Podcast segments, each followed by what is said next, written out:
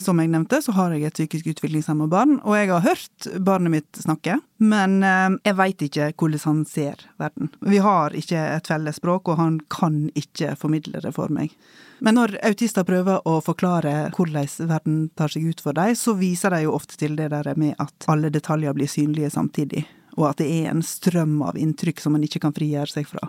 Så derfor så er liksom stream of consciousness min første tanke, at det kunne ta seg sånn ut. Og så tenker jeg òg at hvis da jeg skulle prøve å se for meg hvordan Daniel ville ha uttrykt seg, hvis han hadde villa og kunne, så ser jeg mer for meg et abstrakt maleri enn noe Ja. annet, altså. Altså, jeg tror at hans uttrykksmåte er uoversettelig til litteratur.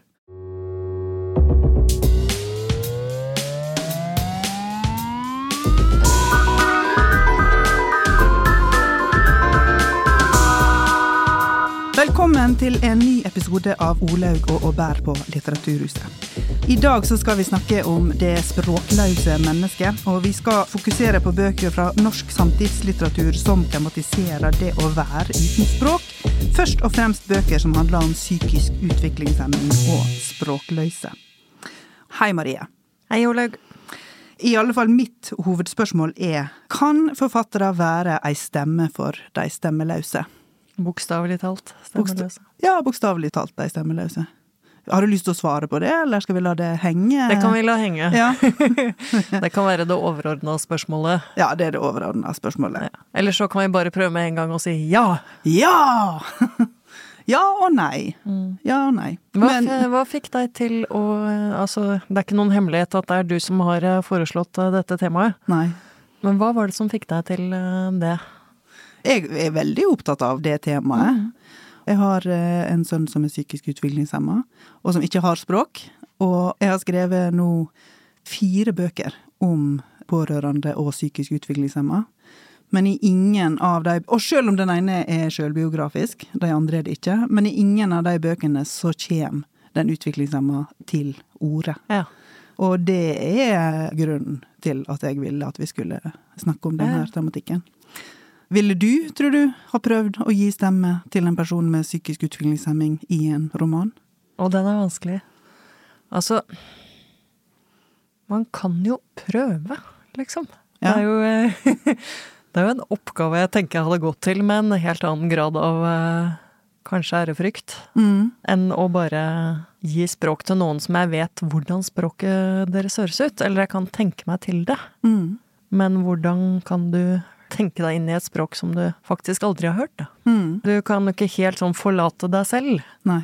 Selv om eh, du gjerne kan ha det som et ideal for eh, diktning. Men eh, det kan jo også bli forferdelig pinlig, tenker jeg.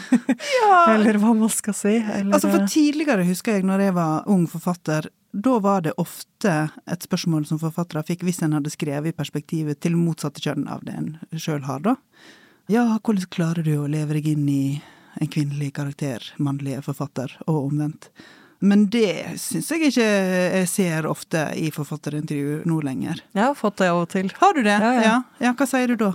Nei, eh, det er noen situasjoner og jeg tenker det å være en mann skiller seg totalt fra å være en kvinne. Mm. Og at da hender det jeg har en, en mannlig leser, rett og slett. Ja. Men eh, ellers så er det jo ikke som en, eh, et vesen fra en fremmed planet. Nei, nei, nei, ikke sant. Men et romvesen. Ja, eller ja, hva jeg du skal ville si. jo eh, ha prøvd deg på et romvesen. Jeg ville ha altså. prøvd på et romvesen. ja. Og gi stemme til et romvesen. Men um, når det gjelder psykisk utviklingshemma som ikke har språk Som jeg nevnte, så har jeg et psykisk utviklingshemma barn, og jeg har hørt barnet mitt snakke, for han kunne snakke da han var liten, og han sier av og til noen setninger fremdeles.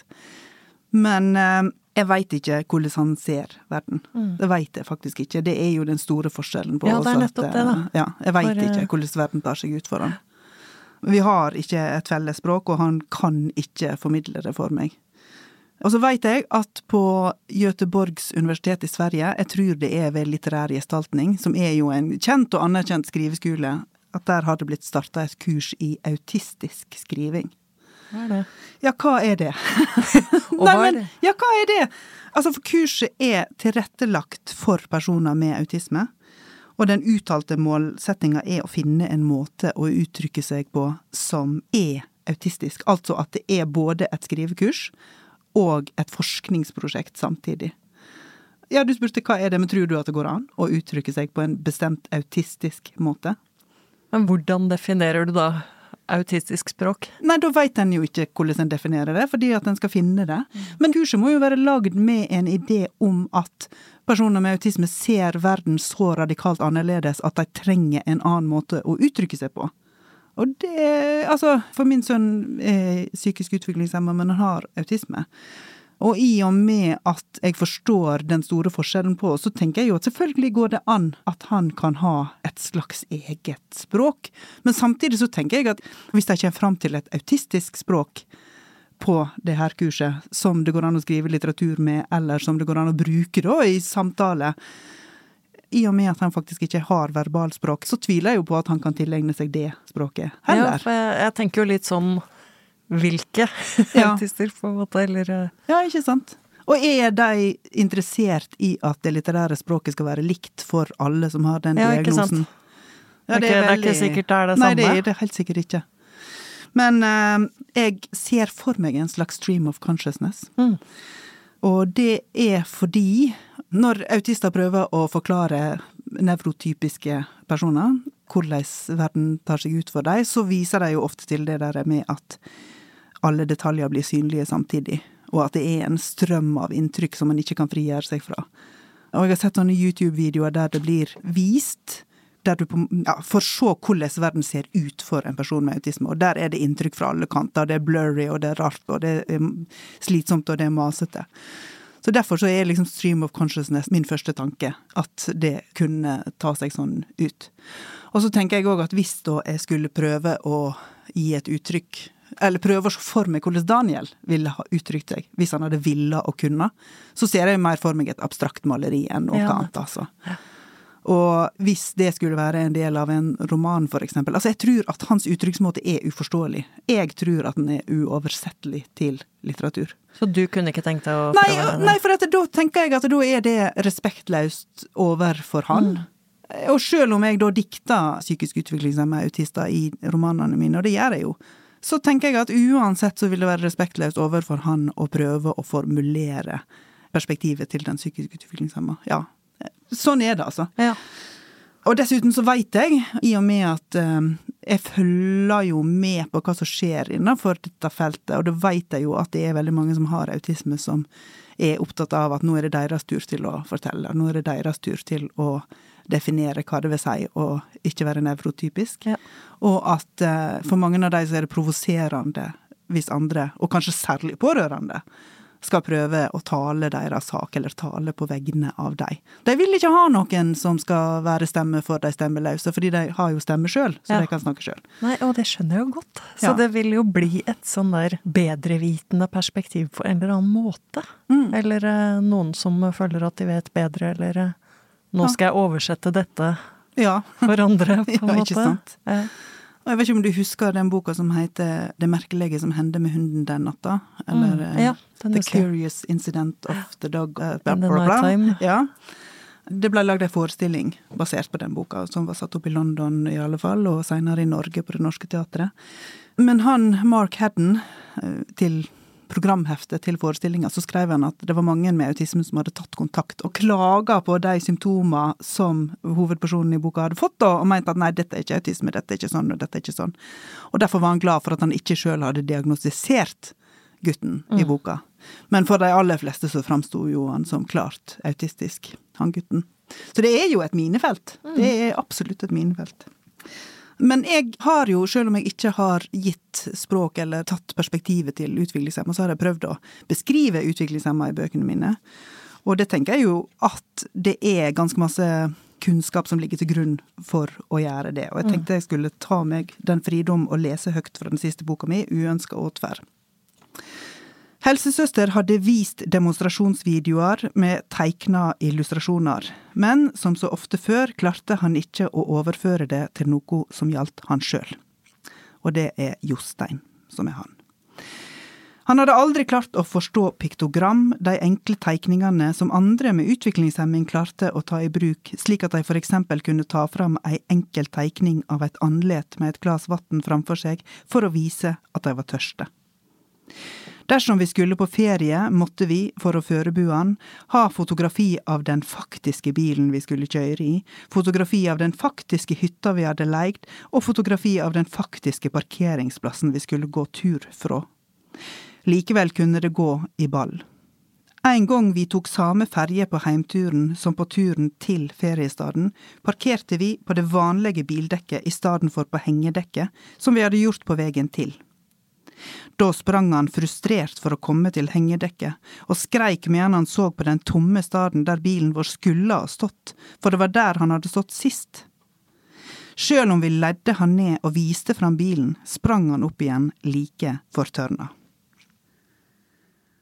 Dette er det helt sikkert ikke så veldig mange som veit. Men en annen ting som mange med autisme er opptatt av, det er at mange med autisme blir tilbudt åtferdsterapi. Og det har vært en lang tradisjon, det har foregått i mange, mange år.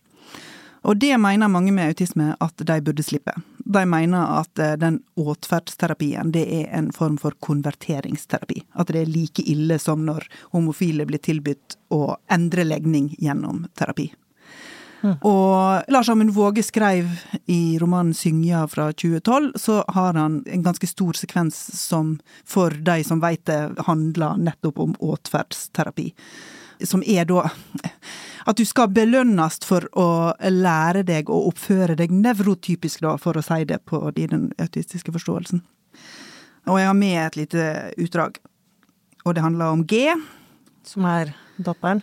Ja, eller altså som er basert, da. Det har han jo sagt. Datteren at det er basert, ja, ja, datteren til Mm. hovedpersonen i boka. Hun satt på en liten skammel, høvelig stor for et lite barn. Han visste ikke noe om henne. Hva skulle han med henne? Demonstrere av sine metoder. Si A, sa han. G sa A, og fikk et sukkertøy. Salen klappa. Det var alt. Dette skulle kurere henne. Reagerer du negativt når du hører det avsnittet?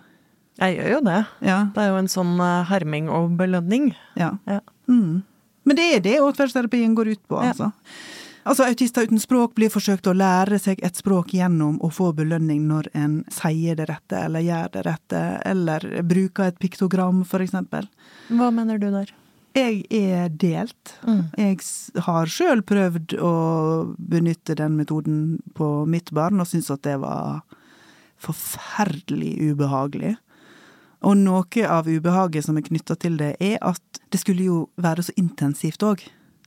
Og da får en jo en følelse av at hvis en ikke er intensiv nok, hvis en ikke står på nok som pårørende eller nærstående eller terapeut eller hva som helst, så er det din egen feil hvis det ikke funker. Hvis da barn ikke lærer seg det Ja, du prøver å lære vekk, så har du ikke stått på nok.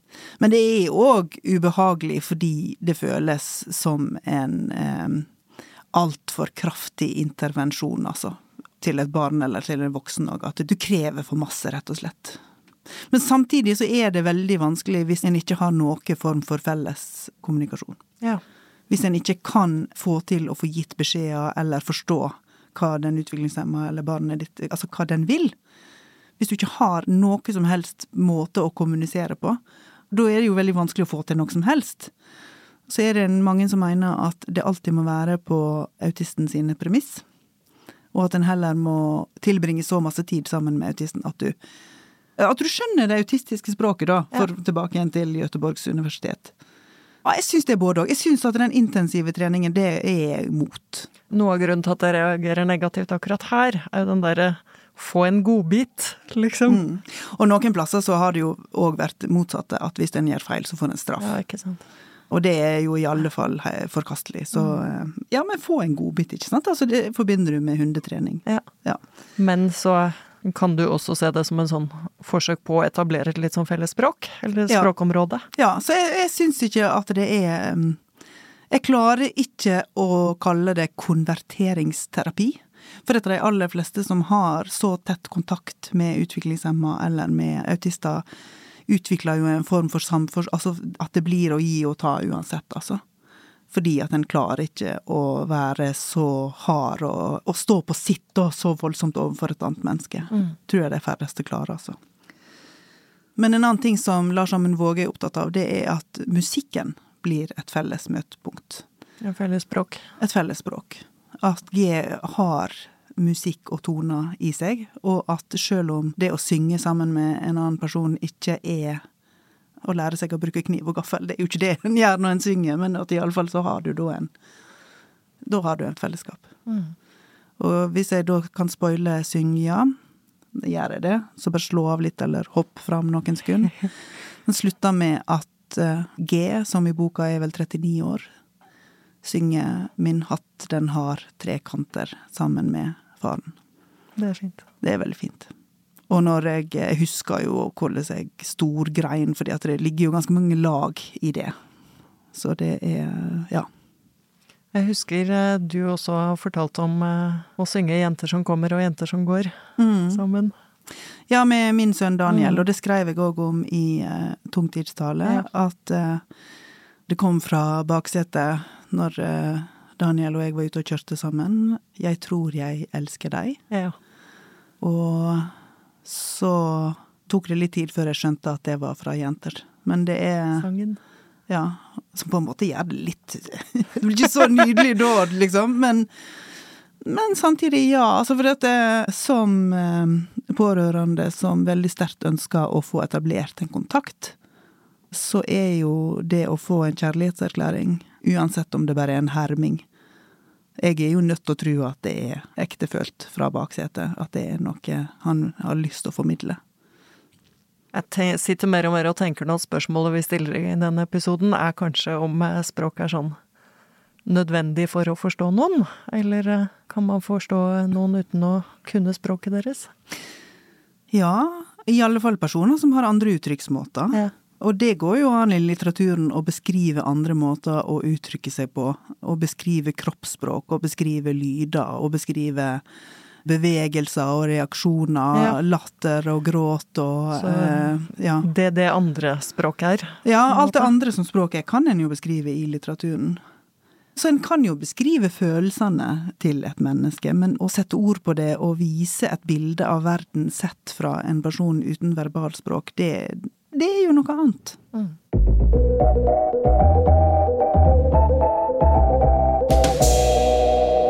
Men vi har jo lest et par bøker, hvor vi også finner eh, mennesker som eh, av forskjellige grunner ikke har det i hvert fall samme språket, Mm. og til dels er eh, språkløse. Mm. Du kan jo få introdusere den første. Ja. Vi er jo veldig glad i Heidi Midthun Kjos i den podkasten her. Ja, jeg har allerede snakka ganske grundig om debutboka hennes i en tidligere episode. Mm, og så har vi jo da altså hennes roman nummer to, og det kan vi jo si at det, det er jo fantastisk. Altså de to første bøkene er liksom knallgode. Det er Så er de så bra. forskjellige. Ja, jeg er veldig imponert over Ja, det er eh, jeg litt òg. Ja. Den første boka som heter 'Områder av eh, særlig betydning', som vi snakka om i episoden av trening, mm. handler jo om en sånn kvinnelig ultraløper. Ja. Og her er det jo en sånn slektsroman. ja. Det er helt annerledes. Og formen er helt totalt annerledes òg. språket er helt annerledes. Ja, det er en mosaikk av stemmer, altså fra forskjellige tider, delt inn i små kapittel. Og stemmene skiller seg jo ganske kraftig fra hverandre òg. Ja. Og innledningsvis er det veldig vanskelig å orientere seg, fordi de snakker jo litt rart og litt sånn merkelig, men etter hvert så skjønner en jo hva en er med på da, her i Hvem som er søsteren til hvem, og Ja, ikke sant? Og, og hva det egentlig er, da. Hva er det for noe? For det, det skjer jo så masse ting samtidig. Men en slags oppsummering er at jeg-personen, for at eh, hovedkarakteren har ikke navn, men jeg-personen reiser nordover for å begrave tanta Magni der Magni vokste opp. Det er en plass i Nord-Norge. Eh, Og hun har hun med seg, eller asken til Magni, i ei urne. Og så blir da familiehistorien lagt fram innenfor den ramma, og da er det eh, bidrag fra bestemor, bestefar og mor og en god del andre. Jeg husker ikke alle. Det er en som heter Herløv i alle fall, som jeg husker navnet veldig godt fordi det er et så snålt navn. Og på den måten så blir det tegna ganske mange Altså, jeg syns det er fantastiske portretter, egentlig, av de forskjellige personene. Og, og av tida som går, altså for det er forskjellige tidsepoker som blir vist fram. Slite, ikke minst. tilknytninga til et sted. Ja. Begjæret, savnet og sorga.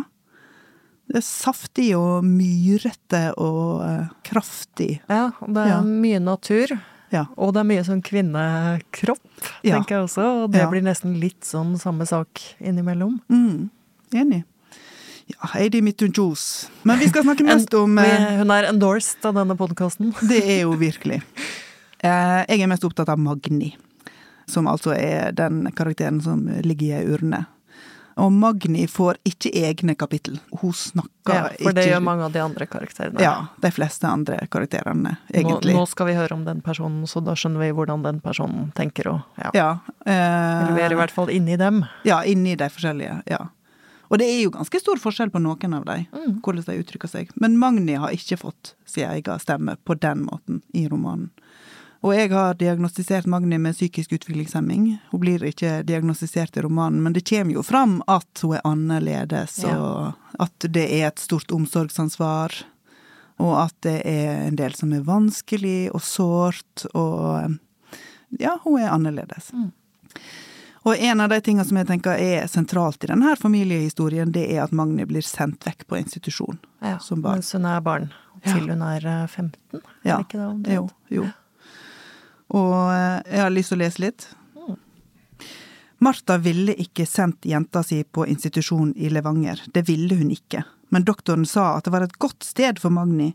Og han løy da han foldet hendene sine og sa at det ville bli godt for henne også.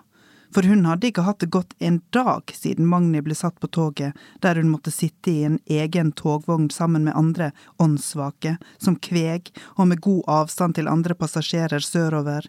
For Martha ville vært sammen med Magni hver dag, og ikke bare til jul og sommerferie, da Magni kom hjem i egen vogn sammen med andre åndssvake, som kveg, og med god avstand til andre passasjerer nordover. Og Magni hadde ikke bodd på institusjon til hun var 15 år og kommet hjem sky som et dyr. Og det var altså mora. Det var jo ikke skrevet fra mora sitt perspektiv, men det er jo likevel i hennes En tanke om hvordan alt kunne vært annerledes. Ja, Ja, ja. skulle ikke vært sånn. Skulle ikke vært sånn. Men uh, den plassen som Midtun Kjos gir, er nærmest å gi ei stemme til Magni, det er når hun beskriver hvordan det var på institusjonen. Og det er bare ett kapittel som handler om det, altså. Det er mer konsekvensene og hvordan Magni framstår som en kan lese ut fra romanen som en konsekvens av institusjonen, da. Ja. Men jeg skal lese òg litt fra Magnis stemme. Innenfor kjelleren er et kott, en barneboks, en kalibreringskube, iskald. Hun må tisse. Hun sitter på huk, det er ingen annen måte, til det er kottet for lite. Hun ville ikke slippe brevet og beit i hånda som tok det. Nå biter hun sine egne, her er ingen andre å bite. Hun klemmer seg mot det ene hjørnet, her er ikke annet enn hjørner, og tisser ned på gulvet gjennom underbuksa, her er ikke plass for å kle av seg.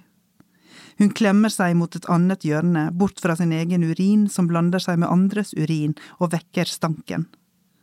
Dampen siger fra iskaldt jordgulv og eimen treffer ansiktet, fyller hele kottet. Bite hardt, hardt, knipe øyne. Syns du det høres troverdig ut? Ja, jeg gjør det. Ja. ja. Det er jo bare et par sånne helt korte avsnitt som forteller om eh, hvordan Magni har hatt det på institusjon. Mm. Og det er jo en sånn veksling i språket. Altså kalibreringskube er ikke et ord jeg tenker at Magni ville formulert. Nei. Men samtidig så er det veldig sånn hennes blikk vi tar, og hennes opplevelse og hennes sansning Mm. som vi får. Og um, også et annet avsnitt hvor det er skritt, mat eller lugging, potet eller innlåst i potetkjeller, varmdusj eller kalddusj, varm hånd i skrittet, varmt strykejern. Ja. Hvor eh, du skjønner hvordan den eh, mishandlingen og de avstraffelsene sitter veldig sånn i kroppen som eh, sanseinntrykk. Ja. Ja. Ja, jeg er enig, og at det fungerer troverdig for meg òg, Ja. i hvordan liksom, nivået på betraktningene er. Og så kan en jo selvfølgelig si at en som har blitt utsatt for den typen mishandling, kanskje uansett ikke klarer å ha et veldig analytisk språk om det.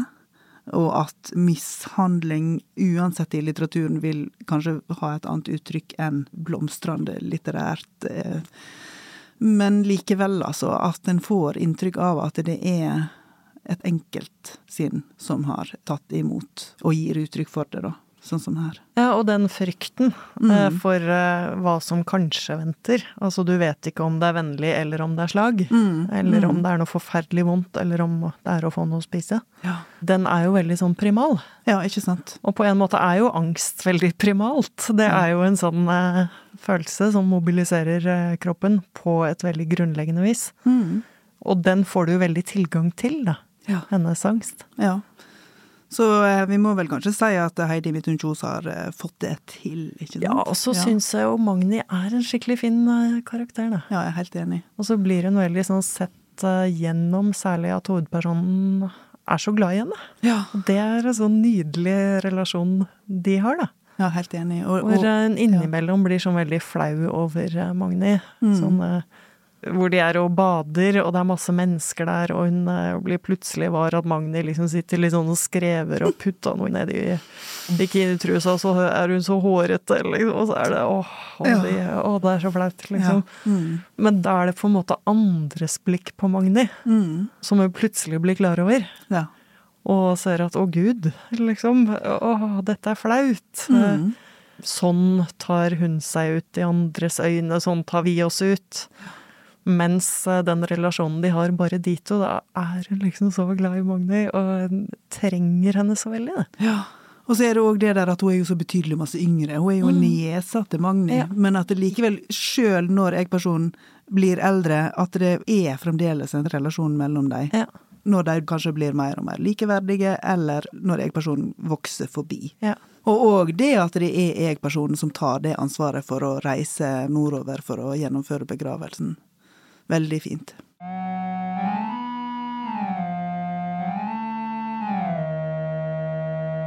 Vi har med en samtidsroman til, og det er 'Stakkar' av Mathias Fallbakken, Ja. som vel kom ut i fjor. Leste du den med en gang han kom ut? Nei, jeg leste den ikke før eh, for et par måneder siden, faktisk. Ja. Men eh, du fikk jo med deg at den kom, og at den fikk masse oppmerksomhet. Og, ja. ja. Jeg syns forfatterskapet til Mathias Fallbakken er så gøy. ja, det er Følge! Ja. For det er liksom eh, noe sånn totalt uventa Ja. hver gang. Ja. Jeg syns det var eh, så gøy å lese fem, Ja. eh, som var boka han ga ut før det. Om en leireklump Mm. som får liv og fyker rundt på bygda ja. Og setter i gang faenskap. Som et sånt eh, slags folkeeventyr eh, gone wild. Mm. Eh, Og så er jo dette også noe som spiller litt sånn opp mot folketro. ja, det og, det. og en litt sånn eh, eventyrstemning i starten. Eller du, du får litt følelsen av at dette er noe sånn tidløst Mm. Og eh, koblet opp mot folketro. Ja. Hva handler det om, da? Det er eh, Oskar som Mm. er fostersønn på en gård. Og så ekteparet Blum. Ja, det er også sånn Alle, alle navn er litt sånn der skakk og skeive. Ja. Sånn hvorfor det? Ja. Men han kommer over et vilt barn Mm. Som kommer ut av skogen. Mm. Veldig skittent og fælt og vettskremt. Folkesky. Mm. Liten skikkelse. Ja. Som eh, Oskar etter hvert eh, lurer i en felle, Ja. sånn at han får bedøva barnet og tatt med hjem til gården. Ja. Og undersøke hva dette er for noe. Altså, dette kommer til å inneholde masse spoilere av eh, Stakkar. ja. Så bare slå eh, av. ja. ja, Jeg vet ikke om vi burde ha en sånn spoiler-warning i hver eneste episode. ja, vi burde kanskje, det. generelt. Ja, ja. Men i hvert fall, nå spoiler vi den romanen her så til de Til de grader. grader. Så hvis du vil overraskes når du leser 'Stakkar' av Mathias Fallbakken, så kan du gå tilbake og høre på denne podkasten senere. Ja. Men i hvert fall, de tror det er et ganske lite barn Mm. i starten. Men det viser seg å være ei jente som er um, gått opp i tenåra, og som eh, legen tror er såkalt dvergvekst. Mm. Det er vel ordet som brukes i boka, at eh, hun eh, ikke har utvikla seg vanlig eh, traumer, omsorgssvikt, eh, mishandling. Ja. Vi får ikke vite noe særlig om hva det er hun har vært med på. Eller hva som er grunnen til at hun er sånn som hun er. Mm. Det er liksom et sånt tåkelandskap for oss, da. Ja. En, en karakter vi ikke veit noe om. Mm. Men eh, mye av boka er jo først Oscars forsøk på å eh, temme henne, Ja, nesten. ja, Det er jo en mm. sånn eh, Jeg tenker det er akkurat det han gjør. Han temmer henne som et dyr. ja, noe vilt. Mm. I starten er hun nesten mer sånn dyrisk enn menneskelig. Det er så mye raseri, og det er kjempelange negler som nesten er klør, og er så skitten at det er ikke til å fatte. Mm. Reiva inn i noen klær som nesten er vokst fast i kroppen, eh, som bare har sittet der. Mm. Og stinker eh, sånn at eh, han er redd for at bare det skal jo avsløre alt. Ja. ja, for han prøver jo å holde henne skjul for Blums. Ja. Men de finner jo etter hvert ut at hun er der, og hun får være Ja. under gårdens omsorg. Og og- beskyttelse. Ja. Men det oppstår jo også etter hvert en relasjon Mm. mellom dem. Ja. Til de grader. Ja. De utvikler en seksuell relasjon. De utvikler en seksuell relasjon. Men det relasjon. høres på en måte helt feil ut å si det på den måten når det er så vilt og instinktivt, da, Ja. som det er beskrevet i romanen.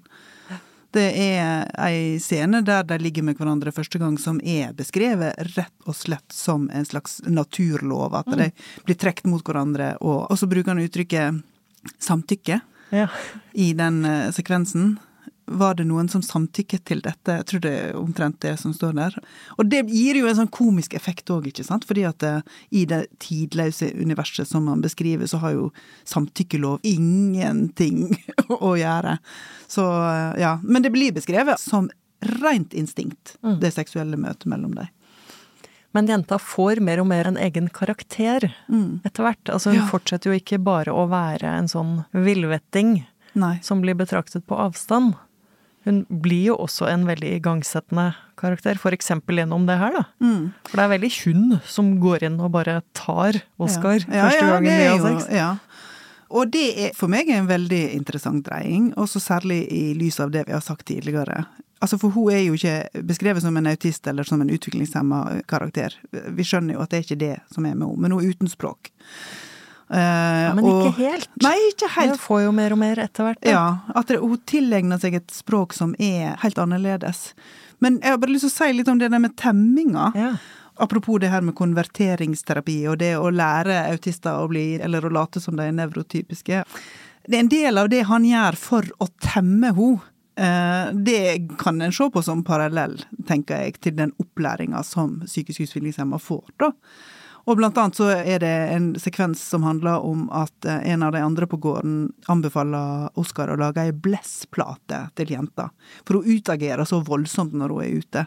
Men ei blessplate, det var noe som de pleide å bruke på hester når de skulle ut av stallen. Jeg tenker at det må være som en slags skylapper, da, Ja. for å bli for, liksom, for kraftig sanseinntrykk. Og det er jo en del av det samme som uh, både utviklingshemma og andre Altså at en går med hørselsvern, eller at en skjermer seg fra noen sanseinntrykk for at det ikke skal bli for massivt og for voldsomt. Og han driver jo òg med rein tvang, sant? Du sa at han fanga henne i ei felle, ikke sant? Ja. Altså det er jo Det er tvang. Men samtidig òg en god del omsorg, blant annet i en sånn badestamp, at han øser varmt vann over henne, og roer hun seg ned. Så han gjennomfører jo en slags kultivering, eller en oppdragelse, eller en tilbake til livet-type Ja. ting, sant? Altså som Det minner jo om sånne filmer som Nell og altså folk Ja, ikke sant. Ja. Eh, Naturvesenet som kommer inn i en slags kultur. Mm, Lærer seg å spise med kniv og gaffel. ikke sant? Ja. Ja. Og det er jo ganske effektfullt, bare det. Men eh, selvfølgelig så tar jo også ting eh, vendinger man overhodet ikke så, så Ja. for seg. ja. For eh, det her får du jo inntrykk av i starten at er et gammelt bondesamfunn. Mm, Men de her to ender etter hvert opp i Oslo. ja. Og da er vi jo plutselig nesten i moderne tid. Da, Mm. da, da er det jo vanlige klær, og de blir da kjent med Tommy Blum. Som eh, Jeg bare ler av ordet blubb. ja, ja, ikke sant. Som er, eh, som er jo en sleip eh, fyr. Mm, mm. Men som gjør hun her jenta til litt sånn stjerne Ja. i sosietetslivet. Ja. På grunn av hennes veldig underlige og både konfronterende og poetiske språk som hun Mm. har tilegna seg, da. Mm. Så hun blir en sånn slags skjeggete dame på sirkus, ikke Ja. En sånn attraksjon. Ja. Blanding av sånne freakshow som han liksom presenterer henne som, ikke sant? Se dette naturbarnet med Mm. og alt det rare hun kan, og noe folk skal bli litt skremt av og inspirert av på en gang. Ja, og det er kjempeinteressant, syns jeg. En kjempeinteressant vending. Og da blir jo Oscar egentlig overflødig Ja. i den konstellasjonen. Som er jo sårt òg, egentlig. Mm. Men eh, det som eh, jeg tenker er veldig interessant her, er måten Mathias Fallbakken gir henne et språk på. Og så kan jeg bare lese litt høyt fra hennes språk. Mm. Og da er det fra en redegjørelse som hun gir helt til slutten av Ja. romanen. I en rettssak. Vi en skal ikke røpe hva det gjelder. Nei, vi kan, Kan la være å røpe noen noen poenger. Vi, vi spoiler den nesten i Ja. stykker, bare nesten. Ok. Med mauraktig skrift hadde hun bokstavert redegjørelsen på denne måten som et ødelagt dikt. Ut av munnen kom følgende, og slik ble det stenografert. Jeg skriver og sier at Osker kan ikke snakke, at Osker er beskjeden, at det er Osker som er beskjeden. Jeg skriver og sier at kontinentet er bredere enn livet er langt, at ikke jeg og ikke du kan krysse det mørke kontinentet, at vi når ikke fram til ulykken, Osker. Jeg skriver og sier at det er en fordel, at ulykken er din, at den kan ingen ta fra deg. Ikke engang du. Ja, det er fint. Ja, veldig fint. Ja, jeg syns det der er så flott. Ja. Og så er det jo noe med at det er jo helt riktig å karakterisere det som poetisk, sant? og at den her typen språk, som er jo oppstykka og underlig og fremmedgjørende, men gjenkjennelig, da, sant? altså innenfor det språket vi kan. Vi kan lese dette, sant? og vi kan tolke det og vi kan forstå det, men likevel så får en et helt klart inntrykk av at det er gjennomført annerledes, og det er uttenkt hvordan det skal være annerledes. Det er ikke noe tilfeldig hva slags type avvik han har gitt det språket. Så da tenker jeg at den er jo litt tilbake igjen til det der med det abstrakte maleriet og eh, stream of consciousness på en måte. Men altså at det er i poesien eh, den her uttrykksmåten finner ei form, da. Og så er det òg interessant hva hun faktisk sier. Sant? Altså at hun omtaler seg sjøl som den ledende mellom seg sjøl og Oskar. Oscar. Oscar. Det er Ja. Osker som er beskjeden. Mm. Kontinentet er bredere enn livet er langt. ja. Og så et sted så blir hun jo også bedt om å eh, si hva hun heter. Så sier hun at hun heter Utskilde. Mm. Eller Utskilde. ja. Det er også sånn det er fascinerende. For det er sånn ingen har hørt et sånt navn før. Og det er jo også sånn poetisk og litt sånn illevarslende, og, og likevel sånn eh, fullstendig meningsgivende ja. klang, Mm. syns jeg. På nynorsk så altså å skille noe ut. Ja, ikke sant? Den som er utskilt, eller ja. Mm. den som ikke hører hjemme. Ja.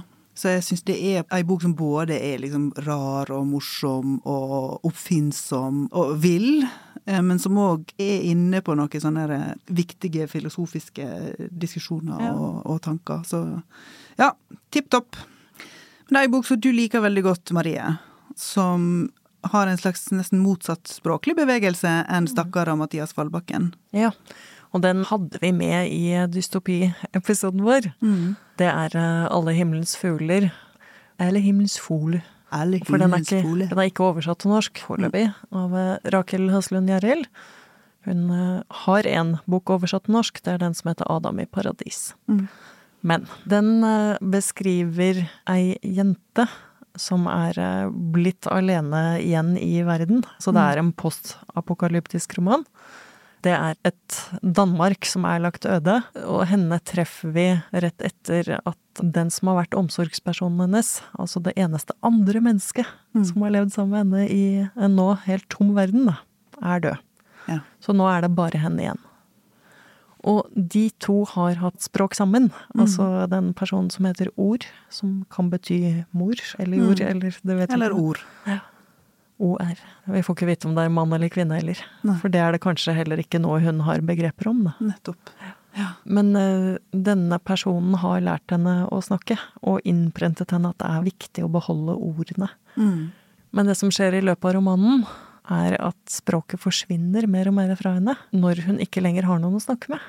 Altså i, i Stakkar så utvikler jo språket seg Mm, mm. Uh, gjennom større grad av menneskelig kontakt. Hun eh, får et språk, og hun etableres som et språklig vesen Mm. i kontakten med andre mennesker. Mens her ser vi på en måte at språket dør når du er alene om det, når du Mm. ikke bruker det til å kommunisere med andre. Og det er helt bokstavelig talt, nesten, da. I starten eh, så reflekterer hun liksom på om at det er viktig å beholde ordene, det er viktig å sette poteter Altså hun har masse sånn gjøremål, prosjekter, planmessighet. Mm. Og på slutten så er hun nesten blitt en av de eh, fuglene Nettopp. som eh, hun er så fascinert av i hele Ja. romanene. At Ja. hun slutter med menneskelige prosjekter. Mm. Planlegger ikke, dyrker ikke jorda. Hun blir til slutt bare sånn at hun eh, spiser det hun finner, legger seg ned for å sove, går videre. Det er ikke noen tanker igjen. Det er ikke noe sånn egentlig annet enn eh, ren sansing. Men er dette beskrevet i jeg-person? Nei, det er hun. Ja. Og eh, nå spoiler vi jo denne også, Ja, men, ja, spoiler, ja. men helt på slutten der så er det bare et vi. Mm. Nettopp. For da er hun liksom opphørt å være et eh, individ, og Ja. da er hun opphørt å være et jeg. Og er eh, mer en sånn del av eh, fugleflokken. Nettopp. Og det er jo på en måte døden, tenker jeg, da. Ja, ja. At eh, døden visker ut jeget. Og lar henne bli sånn en av alle fuglene som flyr under himmelen. ja. Så den er jo veldig sorgfull. Men den er veldig fin, og jeg syns den viser så tydelig hvordan språket avhenger litt av det menneskelige. Da. ja. At det språket som bare er vendt mot en selv, er et annet. Mm. Ja, i dag har vi altså snakka om det språkløse mennesket. Og selv om vi begynte med å si at et hovedspørsmål var om vi kunne gi stemme til det språkløse mennesket som forfattere, det har ikke vi svart på. Nei, det har vi ikke. Vi har konkludert med at det er nok vanskelig. Ja. Men Men vi har jo sett eksempel på at det går an. ja.